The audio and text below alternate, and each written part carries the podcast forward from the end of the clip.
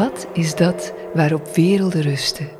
Radio Lila zoekt de grond onder mystieke ideeën, filosofeert over scheppingsmythen, literatuur en muziek. In gesprek met wetenschappers, kunstenaars en connoisseurs. Van het ondermaanse tot het bovenaardse, van de oudheid tot nu. Scherpzinnig en luchtig, diepgaand en compact en voortdurend op zoek naar geestelijke rijkdom. Welkom bij Radio Lila. Dag allemaal. Vandaag is uh, Ingmar de Boer weer te gast. Hij is vicevoorzitter van de TVN en woont en werkt op het Internationaal Theosofisch Centrum. Welkom Ingmar. Ja, dankjewel. Uh, nou, ik ben Marleen en naar aanleiding van uitzending 16 over het zelf uh, kregen we een uh, reactie van Josje van der Sterren. En die inspireerde ons om nu weer een uitzending over dit onderwerp te maken dus het zelf. En uh, we zullen eerst wat dieper ingaan op de filosofie achter de leer van uh, Anatta, de boeddhistische term voor het niet-zelf. En daarna gaan we kijken hoe zich dat zo'n beetje in de praktijk uitwerkt, als we er allemaal nog tijd voor hebben, want uh, ja, we hebben maar kort. Um, nou, heel kort samengevat uh, hebben we de vorige keer naar aanleiding van vers 19 uit de stem van de stilte van Blavatsky gesproken over onze persoonlijkheid als uh, datgene waarin we dus verschillen van anderen. En het idee van een uh, permanente persoonlijkheid zou met name vanuit het zuidelijk boeddhisme een illusie zijn. We hebben het kort gehad over uh, Sakaya Diti, een boeddhistisch begrip dat wijst naar uh, de illusie dat een persoon een afzonderlijke identiteit is. En ook ter sprake kwamen de vijf kanda's, dus de stof of materie, de zintuigelijke waarneming, onze perceptie daarvan, uh, de gedachten en conditioneringen die daar weer op inwerken, en ons bewustzijn en ons onderscheidend vermogen, hoe die dat dan weer inkleuren.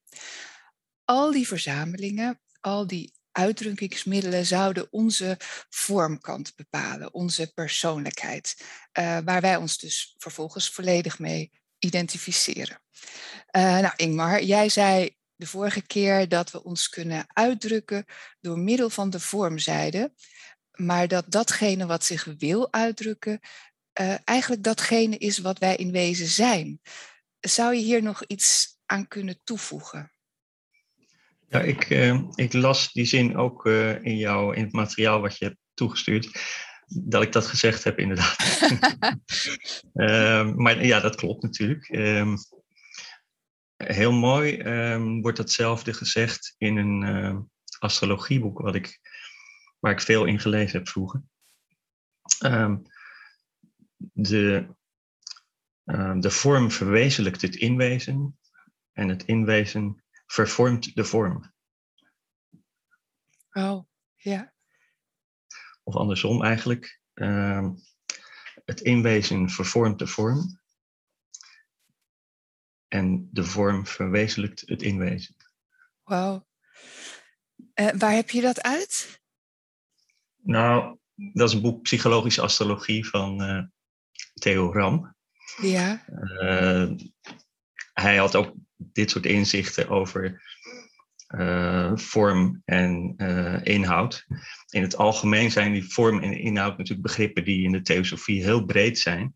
Maar als je het op de mens toepast, dan is dat natuurlijk, dan zou je kunnen zeggen, de, de vormzijde van de mens is zijn persoonlijkheid. En um, ja, dat wordt vaak individualiteit wordt dan vaak genoemd als van nou dat is dat innerlijk van de mens wat zich uitdrukt door de vorm. Of uh, in laatste instantie het hoger zelf, waar we het vorige keer ook over hebben gehad. Dus Aatman. Ja, ja. Um, dus, dus het feit dat die vormzijde uh, zich aanpast aan het innerlijk, dat is wat we de biologische evolutie noemen. Dus uh, wij hebben natuurlijk niet zomaar een, een vorm meegekregen. Die is heel geschikt gemaakt in de loop van de evolutie voor dat inwezen. Dus dus die vorm is blijkbaar veranderd onder invloed van dat ordenend principe wat daarin zit. En, uh, en omgekeerd um, is uh, die, die vorm dus een, dus een uitdrukkingsmiddel van, ehm, van die binnenkant.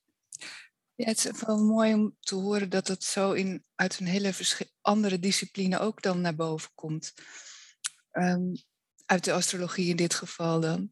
Uh, ik, ik ja, het is een, eh, het is een theosofische uh, astroloog. Hè, dus er zit wel wat ah, theosofie, ja. theosofie achter die astrologie. Maar ja, ook in de astrologie kun je zonder dat soort sleutels... Um, kun je ook niet veel beginnen. Kun je ook niet goed begrijpen waarom... Um, nou, wat het verschil is tussen iemands inwezen en zijn vorm, dus zijn persoonlijkheid.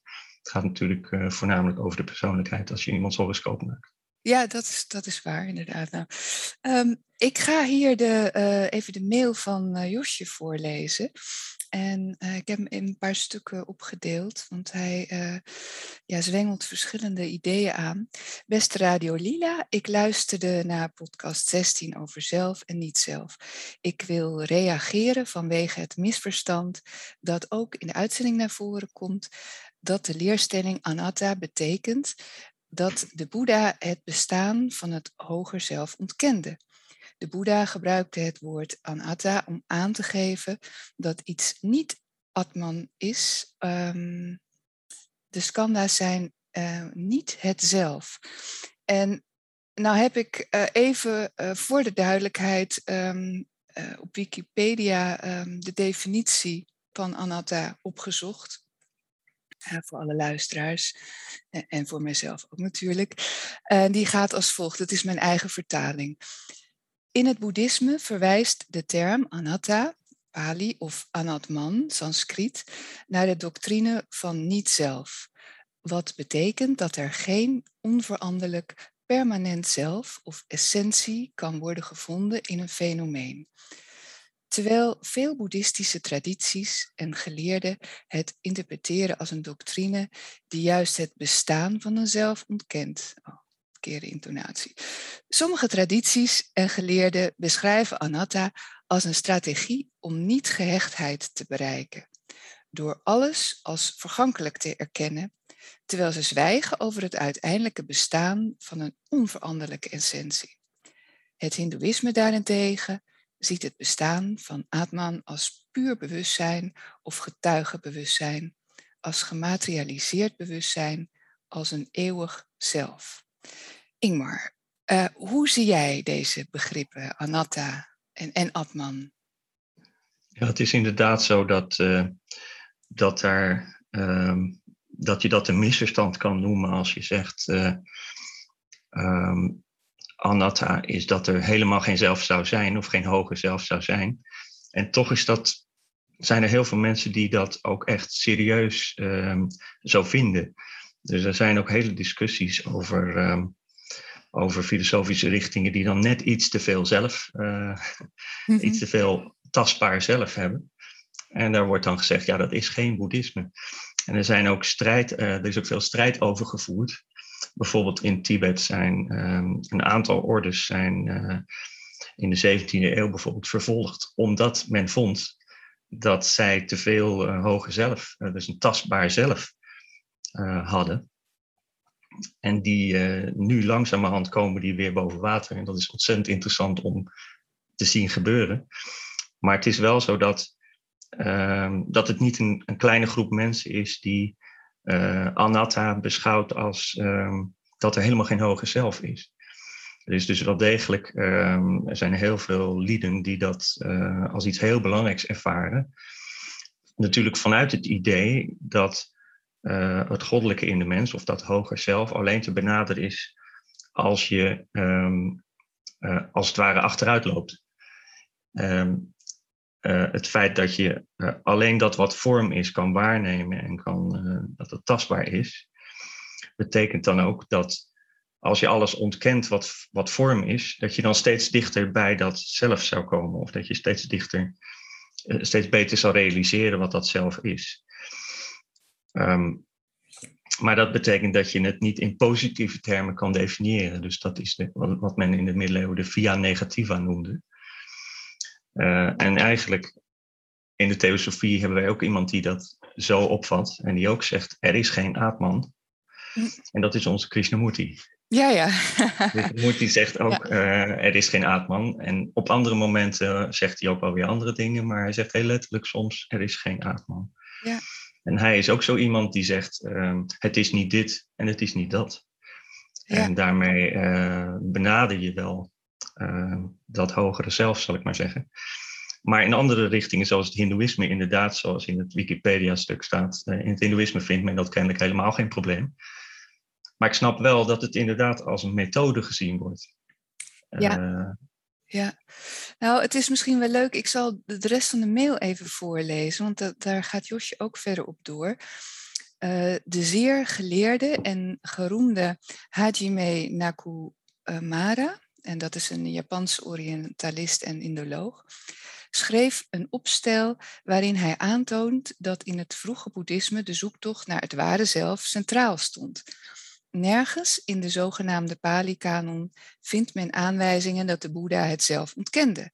En zo is ook de geleerde boeddhistische auteur Alexander Duncan het met mij eens. Uh, voor hetgenen die dit verder willen uitzoeken trouwens, zal ik de links nog even op onze blog plaatsen. Uh, ik ga even verder met, het, uh, met de mail. Wat Boeddha nadrukkelijk verwerpt, is het idee van een permanente persoonlijkheid. Uh, tussen haakjes het lagere zelf. Dit idee van ik ben een permanente persoonlijkheid ontstaat als men zich identificeert met de delen van de tijdelijke mens, de skanda's. Einde citaat van de mail. Was dit niet min of meer ook, ook onze conclusie de vorige keer? Ja, klopt. Ja, in feite ik, wat ik heb gezegd is eigenlijk dat anatta echt het ontbreken van een zelf is. Maar dat is inderdaad in het zuidelijke boeddhisme natuurlijk niet voor iedereen zo. Daar, daar zitten allerlei nuances in. Um, en, maar het kan heel goed zo zijn dat inderdaad nergens in de Pali-kanon dat letterlijk staat. Um, en dat is natuurlijk op zich een aanwijzing dat dat dus niet uh, het belangrijkste blijkbaar is. En het allerbelangrijkste weten we natuurlijk, uh, de kern van het boeddhisme is dat we ons niet hechten. Ja. En dat alles wat tijdelijk is, dus alles wat vorm heeft, is tijdelijk. Dat zijn die skanda's of kanda's. Um, alles wat tijdelijk is, uh, het onthechten daarvan veroorzaakt het lijden. Ja. Dus dat is de essentie van boeddhisme, zit hem hierin uh, in dat onthechten van alles wat uh, vorm zou kunnen hebben.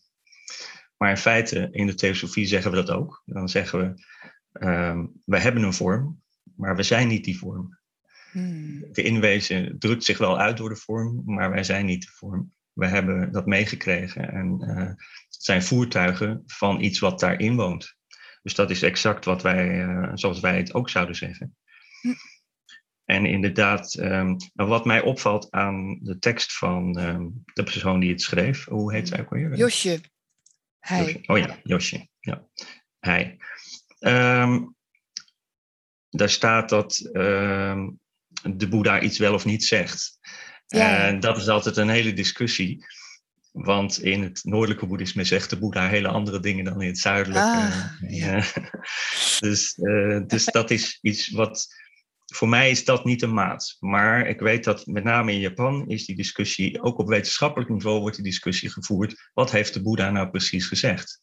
Ja, uh, terwijl dat ongelooflijk moeilijk is uit te maken. Ja, dat is, dat is erg lang geleden natuurlijk dat hij gesproken heeft. Uh, ja. Ik ga gewoon even doorciteren uit de mail, want het heeft hier allemaal mee te maken. Um, ik begin weer. De Boeddha houdt het idee dat het hogere zelf onderworpen zou zijn aan verschijnen en verdwijnen, rise and fall, voor een onhoudbaar standpunt. En daarbij staat zie Majjhima Nikaya 148. Het hogere zelf zou dus niet onderhevig zijn aan opkomst en ondergang. Einde citaat. Um, nou, zou je hier nog over kunnen uitweiden? Nou ja, dat is inderdaad het verlengde van wat ik net zei. Dus ja. Uh, de, de vorm gaat stuk, maar dat hogere zelf blijft, uh, of blijft betrekkelijk. Uh, hè, dus, um, maar binnen één cyclus is het onveranderlijke wat achter alle ervaringen in die cyclus staat, is dat hogere zelf. En in zoverre is dat permanent binnen die cyclus. Zo zou het in de theosofie zeggen. Ja. Dus het hogere zelf is, is inderdaad niet onderhevig aan opkomst en ondergang, want dat is alleen de vorm die teloor gaat, die kapot gaat. Ja, dus alleen wat niet geboren is en niet sterft, is werkelijk. Dat, dat idee. Juist, juist. Ja. Uh, maar ja, als wij niet, niet werkelijk zouden bestaan, dan zouden we hier toch geen gesprek kunnen voeren. Ik bedoel, we kunnen onze, onze natuur, onze vorm toch, toch niet ontkennen. Want uh, ja, nou ja, kortom, waarom hebben wij eigenlijk volgens deze visie geen inherente persoonlijkheid? Ja. Uh, die persoonlijkheid uh, die is er natuurlijk, maar die is van een andere aard, wordt er dan vaak gezegd. Je hebt waarheid en je hebt ultieme waarheid. Of je hebt werkelijkheid en de ultieme werkelijkheid. En uh, onze persoonlijkheid, daar wordt van gezegd, ik praat nu nog steeds met het boeddhisme in mijn achterhoofd, hè?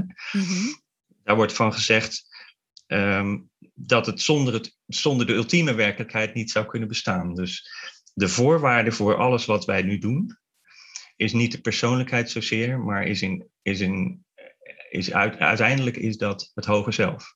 Het hoge zelf gaat vooraf aan alle bestaan. Dus, dus dat betekent dat de belangrijkste voorwaarde voordat wij hier aan het spreken zijn, is juist dat hoger zelf. Ah, Want dat klinkt in feite door onze stem heen. Al, elk woord wat wij spreken is een inwikkeling van dat hoger zelf. Of elk gebaar wat wij maken is een uitdrukking of een. Uh, daar, daar is ergens. Het feit dat dat bestaat, is, is afhankelijk van het feit dat er zo'n hoger zelf is. Die voorwaarde van het absolute ten opzichte van alles wat uh, erdoor uit, uh, wat dat uitdrukt of wat dat um, verbeeldt, zal ik maar zeggen. Ja, dan, dan, zijn we eigenlijk aangekomen bij, bij de eerste van de vier nobele waarheden, om even bij het uh, boeddhisme te blijven. Dus de eerste leringen van Boeddha, waar die zegt, er is lijden. die, die vormkant geeft dus kennelijk lijden. de tweede is, het lijden heeft een oorzaak. Um, zou je kunnen stellen dat, dat die oorzaak ook van dit lijden ligt in, in het hebben van die vorm? Nou, eigenlijk niet. Uh, dat wordt wel eens gedacht, dat je de vorm moet loslaten. Maar eigenlijk is dat niet. Het, zit hem in die identificatie met, uh, met die vorm. En die is op een zeker moment in onze ontwikkeling is dat nodig. Dat je leert met de lichamen om te gaan. Uh, zoals um, je zou kunnen voorstellen, je leert fietsen. Um, en op een gegeven moment dan vind je dat fietsen zo fijn dat uh, dan moet je die fiets, uh, op het moment dat die fiets um, een lekker band krijgt, ja, dan, dan ben je niet blij. Nee. Maar dat ligt niet aan de fiets. dat, dat ja, ligt ja. aan jou, aan het feit dat je je geïdentificeerd hebt of dat je het prettig vindt om te fietsen en dat dan niet meer los wil laten. Hm. Dus ja. dat ligt hem helemaal in jouw eigen houding. Dus de bevrijding is mogelijk uh, door een andere houding ten opzichte van dingen in te nemen. Dus de vorm kun je daar niet de schuld van geven, zeg maar. Het ligt helemaal in je eigen um, uh, denkvermogen, je eigen visie op de dingen. Ja, dus als je het zeg maar vanaf een hele andere hoek benadert. Um, de vorige keer kwam het begrip Adi Buddha ter sprake. Dat is dus de uh, identificatie met de Boeddha. Ik, ik heb eigenlijk altijd begrepen dat in het boeddhisme, en dan met name in de latere stroming, uh, dat uh, het meer de bedoeling was dat je juist wegbewoog van het hogere. Dus je niet ging identificeren met het hogere zelf, maar juist je richtte op, op de leegte, het sunyata. En, en hoe uh, verhoudt die identificatie van, van leegte en van ja, die, die met de Boeddha zich tot elkaar? Ja, ja dat is inderdaad, um, daar zie je dat uh, dat begrip van die Adi-Boeddha, dat komt voor eigenlijk in het esoterisch boeddhisme met name. En dat verschilt een klein beetje van het ruimere boeddhisme, het exoterische boeddhisme. Uh, dat identificeren, um, dat is een, een, techniek waarbij je je eigenlijk identificeert met de leegte, dus met, met de inhoud van alle vormen. En dat, um, ja, dat, is, dat lijkt in tegenspraak met, met het feit dat je ehm, dat, zal ik maar zeggen, God leegte is of de Boeddha leegte is. Maar tegenspraken zijn in de esoterie meestal mm, bron van mysterieën en, en inzichten. En dat is hier ook zo. het feit dat um, die Adi-Buddha is natuurlijk dat eeuwige onveranderlijke beginsel waar het bijvoorbeeld in de geheime leer van H.P. Blavatsky over gaat. Dat ene onveranderlijke beginsel, daar kun je uh, wel mee identificeren, vindt men in die richting, in dat esoterische boeddhisme. Maar het heeft geen vorm. Nee. Dus, dus als je je identificeert met iets wat geen vorm heeft, um, ja, dat is toch net iets anders dan je identificeren met een voorwerp, met, een, uh, nou ja, met allerlei zaken waar je door lijden zou kunnen krijgen. Dus dat is niet hetzelfde. Nee, dat is, dat is gewoon iets heel anders. Ik ga nu even naar het laatste deel van de mail van Josje. Uh, ik wil nog wel even aangeven dat HPB, dus Blavatsky, onder andere uh, boeddhistische leraren had en zich tot het boeddhisme bekeerde. En desondanks nadrukkelijk het bestaan van Atman in haar werken bevestigt in plaats van ontkent. Uh, dit zou vreemd zijn als de Boeddha het bestaan van Atman ontkend zou hebben. Uh, ja, hoe zou jij Blavatsky's visie op het begrip uh, Atman verklaren? Ja, er zijn verschillende. De onderzoekers die daar echt diep op in zijn gegaan, die hebben twee verschillende opvattingen. Oké. Ehm, maar ehm, maar natuurlijk heeft uh, Josje helemaal gelijk. Uh, Blavatsky is juist iemand die als een van de drie grondstellingen van haar geheime leer dat eeuwige onveranderlijke beginsel postuleert. Ja. Dus dat kan niet, het zou niet kunnen als, uh, als zij het helemaal eens was met um, het idee dat er geen permanente dingen zouden zijn. Maar, en inderdaad, klopt dat natuurlijk.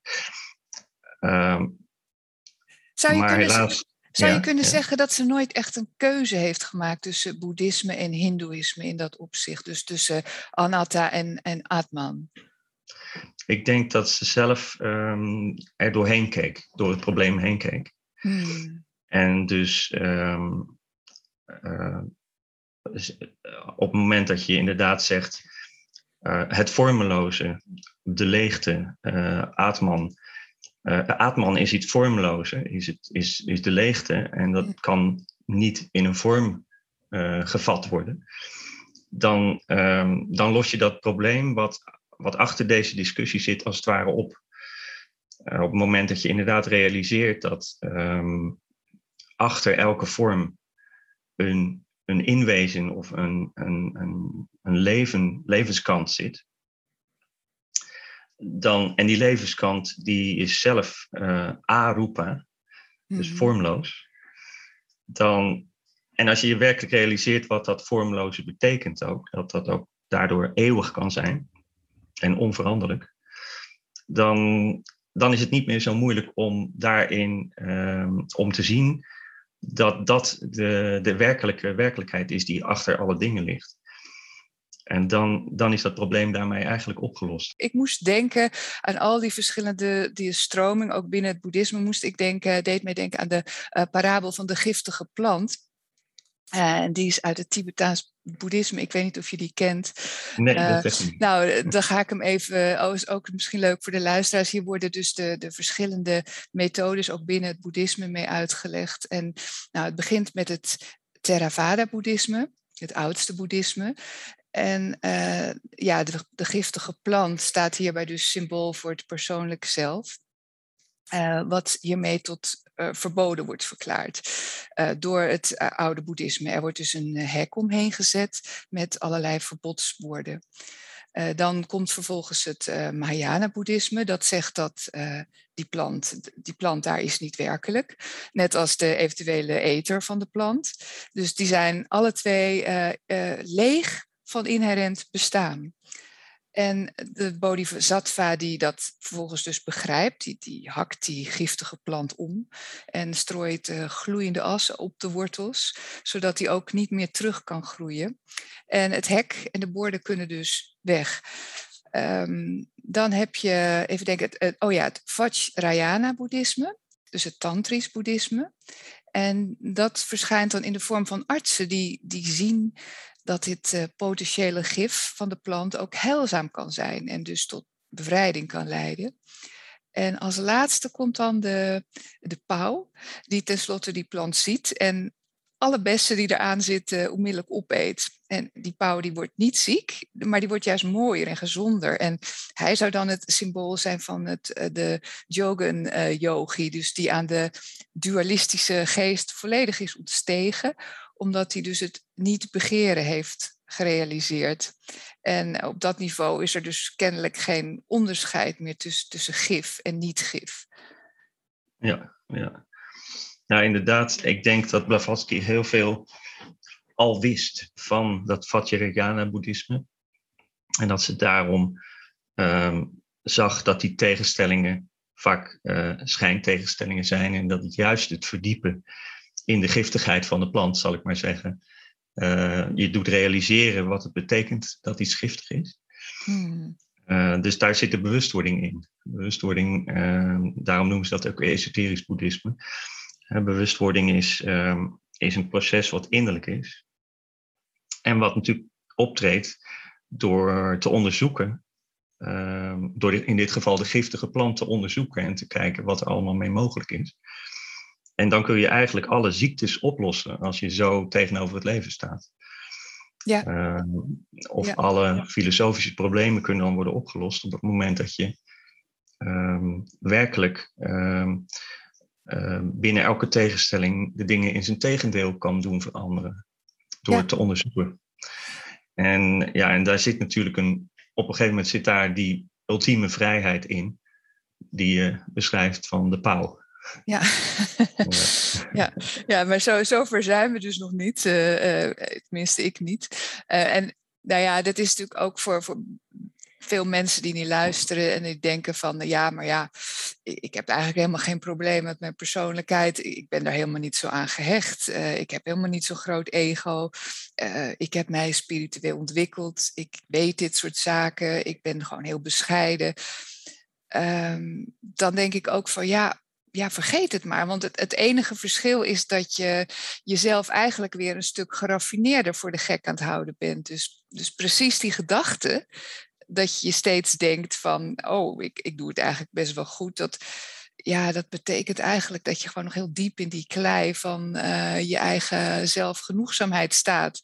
Dus ja, wat, wat ik mij dus afvraag, in hoeverre kan deze kennis van het zelf of, of het niet-zelf ons nou echt helpen in het dagelijks leven? Of op welke, op welke manier moeten we dit toepassen? Ja, ja het, het allerbelangrijkste is dat verandering altijd van binnenuit gebeurt. Dus op het moment dat je zegt, ik zou mij niet willen identificeren met mijn persoonlijkheid, dan leg je dat jezelf op. Hmm. En dat werkt, werkt nooit. Want um, het gaat, uh, aan elke verandering gaat bewustwording vooraf. Dus op het moment dat je inderdaad ziet dat die persoonlijkheid een beperking is of dat die onvrij maakt, dan is het veel makkelijker om iets los te laten of je niet te identificeren ergens mee. Ja. Dus naarmate dat inzicht groeit, gaat die omkering plaatsvinden en niet andersom. Je kan zo'n omkering niet forceren door uh, je bijvoorbeeld anders te gedragen dat, zou, dat, dat levert een conflict op wat, wat uh, dingen alleen nog maar erger maakt. Nee, nee. Uh, dus zolang, ja. zolang echt werkelijk bewust, bewustwording en inzicht ten grondslag ligt aan een verandering, dan wordt die verandering opeens vanzelfsprekend. En ja, dat is wat we eigenlijk, ja, wat we eigenlijk na willen streven natuurlijk. Dat, dat die veranderingen die optreden, dat die uh, het gevolg zijn van inzicht en bewustwording. Dus als het voor jou geen probleem is, des te beter. Want uh, waar geen problemen zijn, moeten we ze ook niet zoeken. Niet nee, nee. Nou, uh, ik ga, Josje die stuurde ons ook nog een persoonlijke tekst. Um, en daarin noemt hij de Diamant Sutra, uh, hoofdstuk 23. En ik citeer even uit een, ook een, een Google-vertaling. Subhuti. En uh, Subhuti was een van de tien discipelen van Boeddha. Dus uh, Subhuti, wanneer iemand onbaatzuchtig liefdadig is, moet hij ook e-, ethisch zijn beoefenen. Moet hij ook ethisch beoefenen door zich te herinneren dat er geen onderscheid is tussen zijn zelf en het zelf van anderen. Al dus beoefent men liefdadigheid door niet alleen geschenken te geven, maar door vriendelijkheid en medeleven. Beoefen vriendelijkheid en liefdadigheid zonder gehechtheid en je, en je kunt volledig verlicht worden. Nou, verdiep ik me al eigenlijk in deze dingen sinds mijn kindertijd. Maar toch moet ik uh, helaas concluderen dat ik me iedere keer weer volledig uh, identificeer met mijn persoonlijkheid.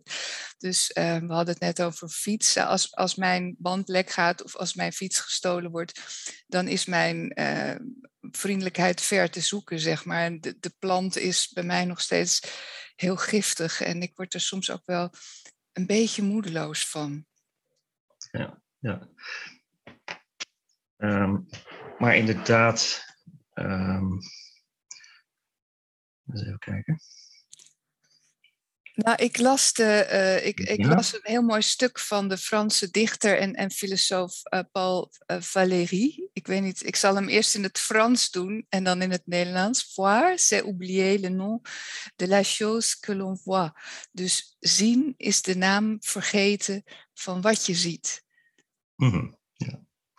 Misschien wil je nog even een stukje van uh, uit de Diamant Sutra uh, een klein stukje lezen. Die ik net heb voorgelezen. Die je net voorlas, ja. Oké. Okay. Subhuti. Wanneer iemand onbaatzuchtig liefdadig is, moet hij ook ethisch zijn uh, beoefenen, ethisch zijn beoefenen, door zich te herinneren dat er geen onderscheid is tussen zijn zelf en het zelf van anderen. Ja, dat bedoelde ik eigenlijk. Ja, dat is uh, inderdaad de essentie van alle theosofische ontwikkeling. Dus het spirituele pad, zoals het in de theosofie wordt, wordt gezegd, is eigenlijk, nou, op het moment dat je realiseert dat jouw hoger zelf niet van jou is, maar dat dat al onze hoger zelven bij elkaar zijn, dat dat maar één iets is. Er is maar één God, zal ik maar mm. zeggen. Op het moment dat je dat realiseert en dat is iets wat niet in één moment natuurlijk gaat, maar dat is een ontwikkeling. Dat duurt heel lang voordat je dat helemaal door je heen getrokken hebt. Maar dat is natuurlijk het begin voor alle andere beoefening en voor alle andere uh, onthechting. Want dan ga je natuurlijk anders ten opzichte van mensen staan. Op het moment dat je echt zegt van nou, uh, die andere is goddelijk in, in wezen, net zoals ik, en is niet anders dan ik. Uh, dan ga je ook uit van gelijkwaardigheid, dan ga je uit van gelijke rechten, je gaat uit van. Nou, interpreteer ik dat natuurlijk, maar het heeft over denken daar allemaal verschillend over. Maar de essentie blijft dat broederschap een gevolg is van het besef van de eenheid van alle leven. Mm. En dat betekent dus dat je gedrag en je persoonlijkheid langzaam gaat veranderen op het moment dat dat bewustzijn heel sterk uh, in je leeft. Ja. En op het moment dat je het andersom doet, of andersom zou doen, dat je zou zeggen, nou, ik ga spirituele beoefening doen, maar ik heb dat innerlijke besef van eenheid met anderen en met andere levende wezens, ik heb dat niet zo sterk, ja, dan, dan gaat het niet werken. En, uh, maar dan heeft ook geen enkele zin. Dus, uh, dus op het moment dat je. En dan ga je vervolgens nog van, van, tegen jezelf zeggen dat je het niet goed doet ook. Ja, ja dat dan is ben je helemaal klaar. Heb je een soort dubbele witness. Nee, daarom vind ik die uitspraak zo mooi van Valérie, dat je uh, die, die categorisering wegvalt. Dus zien is de naam vergeten van wat je ziet. Um, je maakt niet meer dat onderscheid. Ja, dus de, de, naam, uh, de naam, dat is in, in de Indiase filosofie ook een manier om te zeggen uh, alles wat een vorm heeft, heeft ook een naam. Alles wat een naam heeft, heeft ook een vorm. Oké. Uh, dus op het moment dat je ergens een naam aan kan geven, dan moet je al opletten. hey, Precies, dit is ja. wat ik ook weer kan verliezen. Dit Ja. is wat in essentie niet ultieme werkelijkheid is. Ja. Je zit dan meteen aan de vormkant van de dingen. Ja, ja, Ja, ja. nee, mooi. Eh, nou, ik denk dat we het hier even bij moeten laten, Ingmar. Of wou jij nog iets toevoegen? Nou, ik kan, iets, eh, ik kan nog iets toevoegen. De Diamant Sutra is, is heel erg verwant met de Hart Sutra. Ja, De Hart Sutra is nog korter en eenvoudiger. En in verband van, eh, van is nou in het boeddhisme inderdaad, ehm, hebben we daar geen zelf. Um, de Hart Sutra zegt dat nog korter. Ja. En ik zal het in het Engels voorlezen. De bekendste zin: Form is emptiness, and the very emptiness is form. Emptiness does not differ from form, nor does form differ from emptiness. Um, dus er wordt hier gezegd: uh, vorm is leegte, leegte is vorm. Uh, en daarmee wordt dan bedoeld natuurlijk dat uh, vorm um, leeg is van, van essentiële waarheid, zou je kunnen zeggen, van ja. ultieme werkelijkheid. En daar staat dus niet, um, daar staat niet dat die ultieme werkelijkheid niet bestaat. Er staat alleen dat de vorm dat zelf niet vertegenwoordigt. Ja. Dus daaraan kan je eigenlijk al zien, want anders zou er hebben gestaan: uh, het ik bestaat niet, of uh, het hoge zelf bestaat niet, of er bestaat alleen maar vorm. Maar dat staat er niet. Er staat juist: uh, alles wat vorm heeft, moet je in zekere zin wantrouwen, want dat is de buitenkant van de dingen en de werkelijke essentie van de dingen, die woont daarin, die zit daarin. Ja, helder. Helder. Bedankt voor dit gesprek, uh, Ingmar. Ik denk uh, dat we hier nog best wel even over door kunnen contempleren nog. iedereen bedankt voor het luisteren. Als je wilt reageren, kan dat zoals altijd via onze website www.radiolila.nl.